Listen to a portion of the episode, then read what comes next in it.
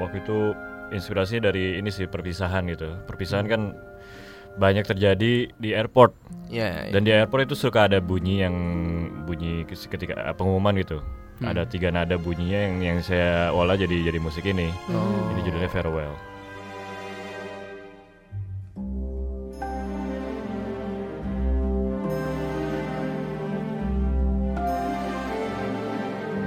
Banyak perasaan yang nggak bisa diungkapin dengan kata-kata dengan lirik itu Hmm. keterbatasan itu saya lebih bisa ungkapin dengan dengan musik gitu.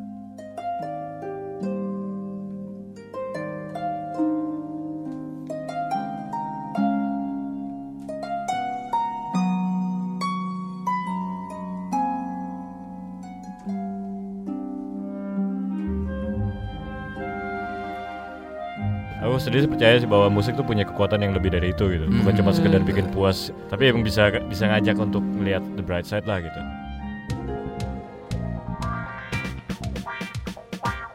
Disko, diskusi psikologi. Halo Warriors, ketemu lagi sama Kevin di podcast Disco Diskusi Psikologi Persembahan Into the Light Indonesia. Hapus stigma, peduli sesama, sayangi jiwa. Warriors, ada sebuah pepatah yang mengatakan hidup manusia tidak didesain untuk berada dalam suatu garis linear yang lurus. Jadi nggak ada tuh manusia yang hidupnya lempeng-lempeng aja. Ada masa di mana hidup membuat kita merasa seperti berada di dalam titik terendah dan juga ada masa-masa di mana kita merasa berada di atas angin. Tapi hal-hal itulah yang justru memberikan warna, esensi, dan arti hidup dalam menjalani peran sebagai seorang manusia. Nah, karena setiap manusia pasti tidak lepas dari rasa sedih, kita semua pasti setuju bahwa rasa sedih itu bisa disebabkan oleh banyak hal. Mulai dari yang kecil aja deh, seperti kita merasa berbagai masalah hidup seolah gak pernah capek gitu untuk datang ke kita. Atau ketika suatu eh, hal yang kita harapkan dan kita perjuangkan sejak lama harus pupus gitu aja. Bahkan ketika kita merasa ditinggalkan seseorang atau sesuatu, pasti kita merasa kehilangan yang mengakibatkan munculnya rasa sedih. Nah, rasa sedih tersebut dapat berujung pada perasaan terluka ataupun perasaan berduka. Dan itu adalah suatu hal yang wajar ya warriors. Well, manusia mana sih yang tidak pernah merasa terluka atau merasa berduka? Warriors, kehilangan seseorang atau sesuatu yang kita sayangi dan berarti buat kita adalah salah satu tantangan terberat dalam hidup. Sejatinya, luka dan duka hadir untuk memberi petunjuk kepada manusia bahwa ada hal yang perlu diperbaiki dalam diri kita. Sayangnya, proses menerima itu bukan suatu hal yang mudah. Well, maka dari itu dalam episode podcast kali ini kita akan membahas seputar perasaan duka akibat kehilangan. Dan seperti biasa, di sini udah ada seorang psikolog yang bakal membantu menjelaskan seputar perasaan berduka. Halo Kak Tessa, Halo. apa kabar nih Kak? Baik. Jadi Warriors, Kak Tessa ini adalah seorang psikolog terapis kesehatan mental yang lagi buka praktek di daerah Menteng Jakarta ya Kak? Iya, betul. Oke, selain Kak Tessa di sini juga udah ada seorang penutur kisah nih yang bersedia untuk membagikan kisahnya menghadapi kehilangan. Di sini ada Kak Andreas. Halo Kak. Halo, Apa kabar Kak? baik, sehat. Jadi Kak Andreas ini adalah seorang musisi ya Kak. Ya. Terus eh, pernah mengalami kehilangan kerabat terdekat karena bunuh diri. Ya, Oke, eh, Kak Andreas boleh dong diceritain waktu gimana sih perasaannya ketika kehilangan temannya yang meninggal karena bunuh diri? sebenarnya ada perasaan yang macam-macam ya campur aduk dan terutama karena saya udah kehilangan total tiga orang. Tiga orang, tiga teman. Iya, dalam dalam rentang waktu 10 tahun ada tiga orang Oh, Oke. dan semuanya berhubungan dengan pekerjaan kami di musik. Ya nggak Hmm. semuanya musisi, tapi ya setidaknya ada dua orang musisi, satu lagi dia waktu itu dia sempat bantuin kita sebagai fotografer Oh, di kegiatan musik Hmm. dan waktu itu terjadi sebenarnya yang yang dua pertama ini nggak terlalu lama perselingan waktunya Hmm, hmm. Mungkin hanya nggak di nggak nyampe tiga tahun gitu yang satu lagi ikut nyusul waktu itu sih kita masih terutama saya sendiri nggak nggak terlalu ngerti gimana prosesnya gitu cuman Mhm. ya menyayangkan banget mungkin lebih tepatnya masih ada stigma di kepala saya sendiri terhadap mereka gitu bahwa Iya, iya. ngapain sih lu main gitu Mhm. cuman ya nggak bisa dijawab juga sama mereka Iya, kan justru yang terakhir ini baru-baru ini masih dalam tahun ini sih baru beberapa bulan yang lalu Hmm. itu rasanya lebih apa ya nyesel sebenarnya karena ketika ngelihat uh, beberapa gejalanya itu saya sendiri kurang kurang reach out ke dia gitu. Hmm. cuman pernah nanyain ngapain sih lo? Kenapa sih lo? gitu. Tapi nggak benar-benar ngobrol yuk gitu. Jadi baru-baru sekarang ini baru tahu baru nyadar bahwa ada hal-hal yang lebih bisa saya lakukan lebih baik gitu. Hmm. dan sebenarnya saya emang teman yang ini udah berapa tahun kita nggak nggak ketemu ngobrol nongkrong pada dulunya seri, eh, deket gitu teman Oke, kuliah juga. oke. tapi eh, saya sendiri pernah juga sih kepikiran tentang bunuh diri itu beberapa tahun yang lalu tapi cuman kepikiran doang dan Hmm. saya rasa juga ternyata nggak sedikit orang yang seperti itu juga dari antara teman-teman kami tapi ketika ada satu orang dua orang apalagi tiga orang itu kayak kalau nggak nggak benar-benar dapat lingkungan yang positif akan Iya. bisa sangat ah kalau misalnya lagi ketemu jalan buntu misalnya nggak bisa lihat eh, alternatif itu itu bisa jadi satu alternatif kalau kita nggak nggak nggak ini ya Hmm, ya. Oke, terus eh, gimana cara Kak Andreas menghadapi kesedihan itu tuh waktu itu terjadi gitu? kumpul sih eh, waktu itu nggak bisa bikin apa-apa bikin musik susah cuma bisa ketemu teman-teman lain yang ikut juga kehilangan gitu teman-temannya eh, teman kami ini. Terus kita bahas kenapa sih kayak gini? Kenapa kayak gitu? Hmm. terus juga saling bertukar ini sih cerita sih. Sekarang lu ngapain ngapain aja? Lu lagi stres atau enggak? Ya Mhm. mungkin nggak benar nanya gitu cuman ada pembahasan seperti Iya, itu. iya, jadi positifnya memang jadi ada jadi akrab lagi lah kita Hmm. Hmm, ya. dan saya sendiri juga mikir eh, ini kalau nggak ada mereka juga mungkin saya nggak nggak nggak ngerti mesti mesti kayak gimana lagi juga walaupun mereka pun juga mungkin nggak ngerti mesti gimana gitu Iya. Hmm. Oke, eh, aku dengar-dengar Kak Andreas pun kayak selain ngumpul tadi sama teman-teman, ada eh, cara lain yaitu bikin lagu ya kak. Iya mungkin waktu waktu benar-benar kehilangan itu nggak nggak bisa sih belum bisa Belum- nggak langsung gitu nggak ya. bisa langsung gitu Eh, cuman setelah beberapa minggu aku sendiri mikir bahwa ini ini harus harus ada cara untuk apa ya ungkapin eh, rasa kehilangan itu dengan dengan ya apa yang saya bisa lakukan gitu kan Mhm. Is- setidaknya bikin musik gitu Ya. dan rasa kehilangan itu kan banyak ya macamnya ada misalnya habis putus juga kehilangan Iya. terus orang tua meninggal juga kehilangan Mhm. Eh, sahabat dekat pergi keluar kota atau keluar negeri tinggal di sana juga kehilangan Mhm.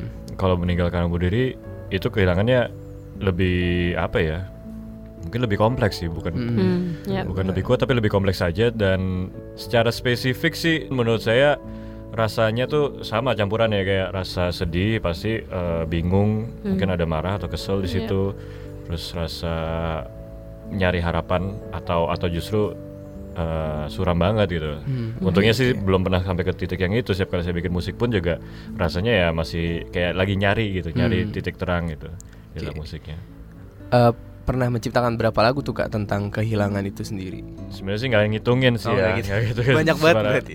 nggak tahu ya mungkin saya bisa nanyain ke Katisa tentang kenapa emosi negatif tuh bisa lebih kuat kasih dorongan gitu ketika kita mau bikin sesuatu gitu karena emang pada kenyataannya ya banyak sih lagu hits yang yang dibikin dengan happy tapi juga banyak banget yang yang lebih connect, connect lagi ketika kita lagi sedih Hmm. kenapa bisa kayak gitu ya Hmm. itu pun juga terjadi ke pada saya sih Hmm. That's interesting soalnya it's lebih intens sebenarnya. Hmm. Kalau um, perasaan yang I guess bisa dibilang negatif quote unquote, tapi kan belum tentu juga negatif Yeah. kan. yang- It's just lebih kuat.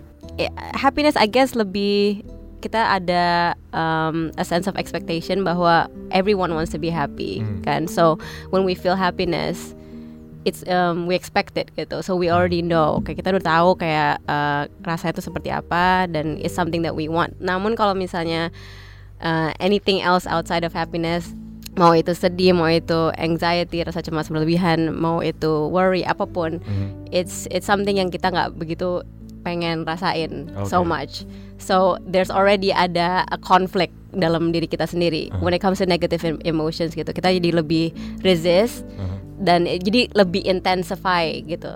Lebih intensify. Only karena karena emang kan kadang-kadang kalau kita misalnya mau melupakan sesuatu malah malah lebih in- ingat kan? Iya. jadi kalau misalnya kita semakin mau menghindari eh, emosi emosi tertentu itu malah nge jadi intensify Oh, gitu. oke.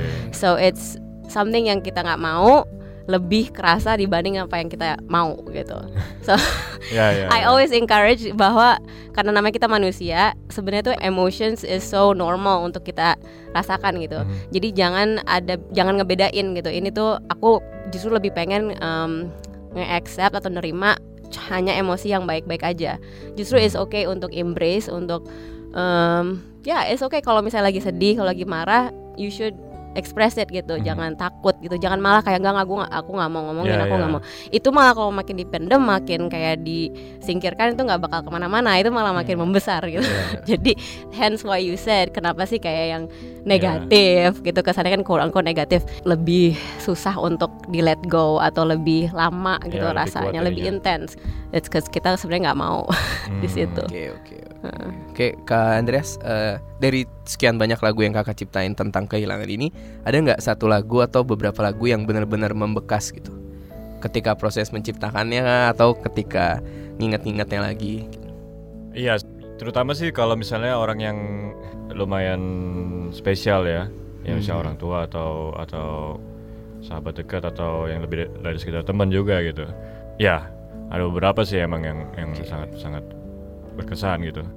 Nah ini salah satu yang saya bikin ini tanpa lirik sebenarnya ini Hmm. ini untuk album teman saya dan waktu itu inspirasinya dari ini sih perpisahan gitu. Perpisahan kan banyak terjadi di airport Ya. dan di airport itu suka ada bunyi yang bunyi ketika pengumuman gitu. Hmm. Ada tiga nada bunyinya yang yang saya olah jadi jadi musik ini. Oh. Ini judulnya Farewell.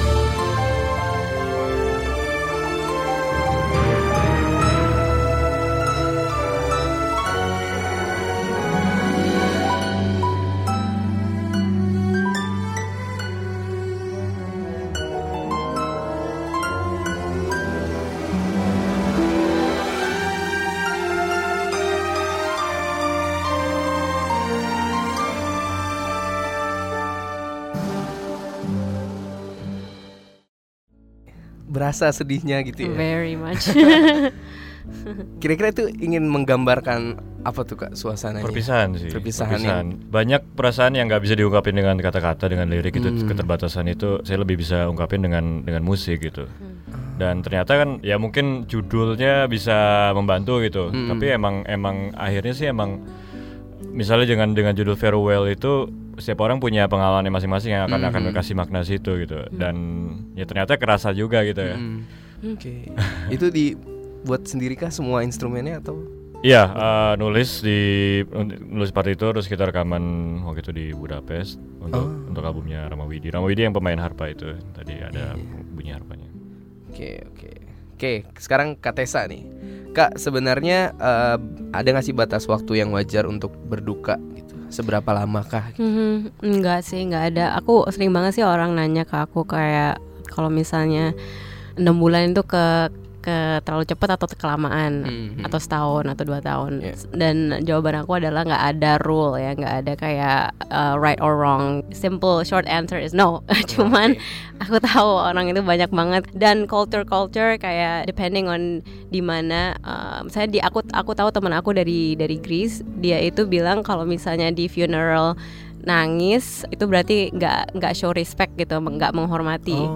jadi it's very different gitu Mhm. different culture jadi ada ekspektasi ekspektasi tertentu dan terkadang kalau kita, lagi berduka kita ngerasa kayak oke aku mestinya kayak gini nih aku mestinya kayak gini nih mestinya selama ini nih aku aku mestinya nangis sebanyak ini aku Hmm. mestinya nggak nangis sebanyak ini gitu tapi sebenarnya as simple as coming from mental healthnya kesehatan mentalnya itu nggak ada sama sekali um, cara yang benar atau salah gitu T- um, terus juga ada yang um, common itu ada five stages of grief ya. Kalau misalnya berurutan Hmm. itu biasanya anger, uh, rasa marah, terus denial, terus bargaining, depression, lalu acceptance. Oke. Cuman itu sekali lagi itu karena it's it's common, sering dirasakan sama uh, orang yang sedang berduka. Namun bukan berarti kalau misalnya kamu nggak merasakan all five stages semuanya atau nggak merasakan dua atau tiga itu berarti salah Hmm, hmm. atau berarti kamu nggak normal gitu berarti kamu oh kamu nggak ini kamu mestinya tuh semua lima limanya gitu dan dengan berurutan itu atau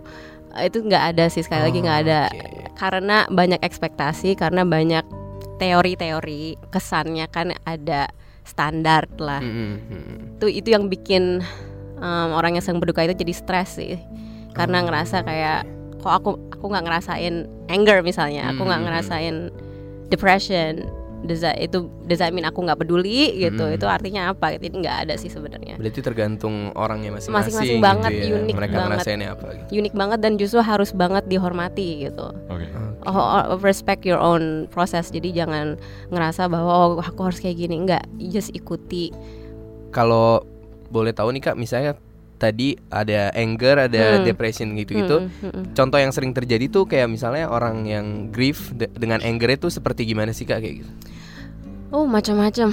Sekali lagi tergantung mereka yang meninggal itu dengan cara apa. Hmm. Kalau misalnya misalnya bunuh diri itu beda lagi. Hmm. Ini benar-benar beda lagi gitu. Jadi anger itu bisa macam-macam bisa kayak anger terhadap orang yang eh, telah melakukan bunuh diri tersebut. Kayak misalnya kenapa kamu kayak gitu, kenapa nggak ini, or atau juga bisa juga eh, anger ke diri sendiri atau ke orang sekitarnya. Hmm. Eh, Oh, jadi iya. macam-macam bener-bener macamnya tergantung kenapa meninggalnya dan juga relationship hubungan mereka Hmm.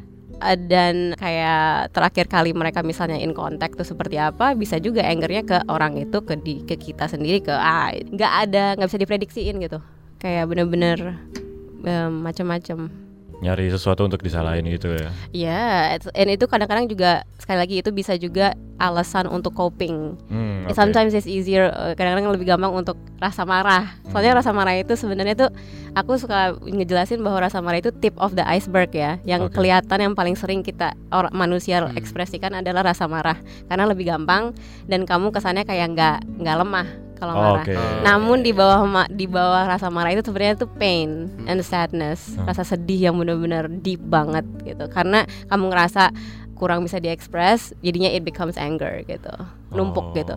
So ya anger bisa kayak eh, kadang-kadang kalau misalnya lagi going through lagi lagi berduka ya ngerasa marah dan dan bener-bener kayak holding on ke angernya karena lebih gampang gitu. Hmm. Kayaknya karena kalau misalnya aku let go anger aku nanti aku harus proses kesedihan rasa sedih aku itu lebih Hmm. berat gitu. Ya, ya, ya. Heeh, for some oke. people. Eh, kalau untuk tahapan yang lain kak kayak misalnya depression terus bargaining dan lain-lain apakah sama dengan anger atau kayak ada satu tahapan yang benar-benar semua orang tuh mirip gitu Sekali lagi tergantung ya. Tergantung orangnya bener-bener ya. karena rasa duka itu tuh you cannot itu sangat amat fragile sangat amat fleksibel sangat amat paling nggak bisa di kayak oh ini yang paling sering karena Nggak ada even iya karena even saying that kayak kalaupun aku ngomong ini yang paling common Hmm. itu rasa ini gitu tapi nggak juga Ada beberapa gitu yang merasakan exactly gitu ya. gitu jadi aku nggak bisa sama sekali kayak black and white hitam putih Oke, banget oke. jadi nggak nggak ada sih Oke, eh, terus gimana eh, s- supaya kita tuh bisa berdamai dengan rasa kehilangan kita gitu? Kak? Yes, so uh, sekali lagi saya yang eh, aku bilang tadi, please respect proses sendiri ya. Hmm. Jadi trust yourself, kayak percayalah sama diri sendiri bahwa apa pun yang kamu rasakan today, hari ini atau besok atau uh, hari berikutnya, uh, percayalah bahwa itu Mm-mm. yang kamu perlu rasakan gitu. Jadi jangan don't jangan kayak mempercepat gitu. Nyari shortcut gitu ya. Uh-uh, like just relax udah just percaya aja relax um, go through it kayak pelan-pelan Uh, kalau misalnya misalnya um, minggu ini kamu lagi nggak nggak mood lagi nggak ready belum ready untuk uh, ketemu siapa-siapa gitu Hmm. dan dan don't jangan gitu respect Oke. it terus kalau misalnya um, kayak Andreas um, ketemu sama teman-teman yang mengalami hal yang sama itu kan bakal ngerasa kayak not you're not alone kan Iya, kayak nggak sendiri gitu kan bisa sharing gitu cuman ada juga mungkin yang nggak kuat kayak Hmm. gitu yang kayak ngerasa aku nggak mau ngediskusiin dulu gitu aku nggak mau Oke. bahas dulu gitu jadi aku pengen alone time dulu gitu jadi and that's that's fine gitu Oke. so please respect karena itu yang paling sehat Hmm, kalau oke. misalnya kamu nggak kayak gitu wah itu bakal lebih mempersulit proses kamu sendiri jadi don't do that lah Oke, eh, kalau misalnya kan ada orang yang terdekat kita nih sedang merasakan eh, grief tadi itu sendiri, terus kan kadang kita bingung ya kak sebagai orang yang Mm-mm. awam kayak apa sih yang harus kita lakuin, Mhm, terus eh, gimana sih cara ngobrolnya atau Iya. cara agar dia mau terbuka gitu buat kita. Nah kira-kira Yeah. eh, apa sih yang seharusnya kita lakuin ketika kita eh, lagi bareng nih sama orang yang sedang grief itu? Gitu. Eh, menghormati uh, prosesnya dia. Jadi aku sering sih ngedengar kayak orang komplain kayak ini teman aku misalnya dia tuh kayak masa mau um, misalnya, ba- masa mau bikin surat buat yang dia orang yang dia udah kehilangan Oh ini iya. kayak iya. masa ini masa kayak gitu masa masih kayak gini masa Mhm. jangan kayak gitu like stop Oke, avoid oke. untuk ngejudging gitu Hmm. kan jadi kalau misalnya apa pun yang teman kamu lagi go through yang perlu yang dia perlu lakukan ya uh, dampingin aja Mhm. Uh, menurut aku sih harus dengerin aja sih just listen oke, be quiet Diam aja udah dengerin be there hal there's nothing we can say yang bisa bikin perasaan mereka tuh lebih Baik. Heeh, just dengan waktu eh, mereka dengan proses dengan meng- mereka menghormati proses mereka sendiri itu itu ju- juga akan membantu. Jadi for you as a friend sebagai teman ya just be there. Mhm. jangan bilang eh jangan gitu ya Oh, ayo ya, kita keluar eh jangan ini eh jangan itu. Just just ask tanya aja oke Oke. kamu perasaan kamu sekarang gimana hari ini? Mhm. what do you wanna do? Kayak tanya aja check in aja sama teman kamu. Kayak kamu em, aku perlu ngapain nih untuk make you feel okay hari ini Oke. just check in check in tanya tanya tanya and then jangan asumsi sih Oke. intinya Hmm, ya. ya Terus eh, kapan waktu yang tepat untuk orang yang temen saya teman terdekat kita yang lagi merasakan grief atau diri kita sendiri itu untuk memutuskan kayak kayaknya harus ke psikolog nih gitu. Mm-mm. Em, kalau misalnya udah aduh itu sebenarnya yang yang tahu perasaan itu tuh orang orang itu orang itu sen- Hmm, sendiri ya jadi kayak misalnya kamu ngerasa mm, overwhelming kayak Hmm. udah ini udah kayak terlalu too much udah aku nggak bisa ngehandle anymore mau aku ngomong sama temen kayak mau aku ngomong sama keluarga kayak kayak kayak sampai ngalangin day to day activity sih menurut aku itu Oh, Oke. this probably best untuk mulai ketemu Oke. profesional Kak Andreas mau nanya nih kak. Ya. Eh, kan tadi kakak dengan kehilangan itu menciptakan beberapa lagu. Mhm. Nah lagu-lagu itu mostly sad song atau kayak ada beberapa lagu yang eh, happy dengan menunjukkan ke orang sekitarnya kayak yang nggak harus grief gitu dengan kehilangan. Mungkin bisa dilihat sisi positifnya nggak gitu. Ada nggak yang kayak gitu? Ada yang musiknya mungkin nggak benar-benar gelap tapi itu kayak mengingat sesuatu gitu ya kenangan-kenangan yang yang baik tentang orang itu yang Hmm. yang kita kehilangan aku milih untuk untuk lebih lebih nunjukin itu sih emang Eh, dari rasa kehilangan ini aku belajar apa gitu dan itu yang mau Hmm. aku bagiin lebih lebih, lebih sering seperti itu Oke. bukan yang benar-benar sedih sedih sedih doang gitu nggak ada Oh, nggak ada oke, solusinya nggak nggak suka gitu juga sih Mhm. Kebetulan aku sendiri juga nggak terlalu suka ya musik-musik yang kayak seperti itu gitu. Apalagi yang lirik-lirik yang kayaknya nggak ada hari esok gitu. Oh, Emang sih kadang-kadang tuh enak banget, nikmat banget kalau dengerin yang gitu kalau lagi ngelewatin hal yang sama Iya, gitu iya, kan. Cuman aku sendiri percaya sih bahwa musik tuh punya kekuatan yang lebih dari itu gitu. Bukan cuma Hmm. sekedar bikin puas kalau lagi marah pengen dengerin lagu yang bisa bikin puas rasa marahnya atau bikin yang sedih bikin puas rasa sedih. Tapi emang bisa bisa ngajak untuk ngelihat the bright side lah gitu. Oke. Ya. Nah paling kemarin sih kan biasanya kalau kasus bunuh diri ini lebih lebih sering ditutupi gitu. Hmm, ya, Hmm, ya, Nah, ya. apalagi dari komunitas Into the Light aku sendiri ikut dilalui luka. Iya. Eh, dari situ baru-baru lihat bahwa Hmm. banyak banget kejadiannya yang Yap, kita jarang sekali dengar dari dari media massa apalagi gitu Ya. Hmm. ya. Dan karena emang sebelum kejadian ini sih itu cuma terjadi di film-film doang gitu di Hmm, kepala. iya. Ya kan karena Iya. ya kita nggak tahu gitu atau atau cuman di antara orang-orang terkenal itu yang Iya. beritanya ya kayak Iya. Chester, Iya. Chris Cornell. Ya, ya, that's true. Dan emang kita kebetulan tahun ini lumayan banyak kan Hmm. yang Ya, committed suicide, suicide dan ya kadang-kadang kita juga kesel gitu ketika kita pernah kehilangan teman karena bunuh diri dan ketika ada orang-orang terkenal ini terus dihujat gitu ada jadi ikut kesel cuman ya gimana gitu nah makanya sebenarnya sih emang kehadiran ya kayak kata saya juga harus into the light itu setidaknya buat buat saya pribadi sih itu membantu gitu untuk tahu Iya. ini ini bukan sesuatu yang yang pantas untuk dihujat gitu Hmm, justru justru yang dibutuhkan adalah gimana kita bisa makin nimbulin empati gitu ketika itu Hmm. terjadi di sekitar kita iya makanya. Well, warriors, terkadang rasa sakit karena kehilangan itu memunculkan berbagai emosi yang nggak bisa dikendalikan. Mulai dari shock, marah, rasa nggak percaya, rasa bersalah, dan kesedihan yang nggak kunjung selesai. Bahkan gangguan jiwa pun juga berpotensi untuk terjadi. Dan semua itu pasti akan berpengaruh terhadap kesehatan fisik kita juga. Kita jadi susah tidur, nggak mau makan, bahkan susah juga untuk fokus dalam berpikir. Dan seperti yang sudah dikatakan Kak Tessa tadi, reaksi-reaksi tersebut sebenarnya normal ketika kita menghadapi kehilangan yang sangat berarti. Tapi itu bukan berarti kita nggak bisa berdamai dengan duka tersebut atau menghilangkan rasa sedih yang dirasa.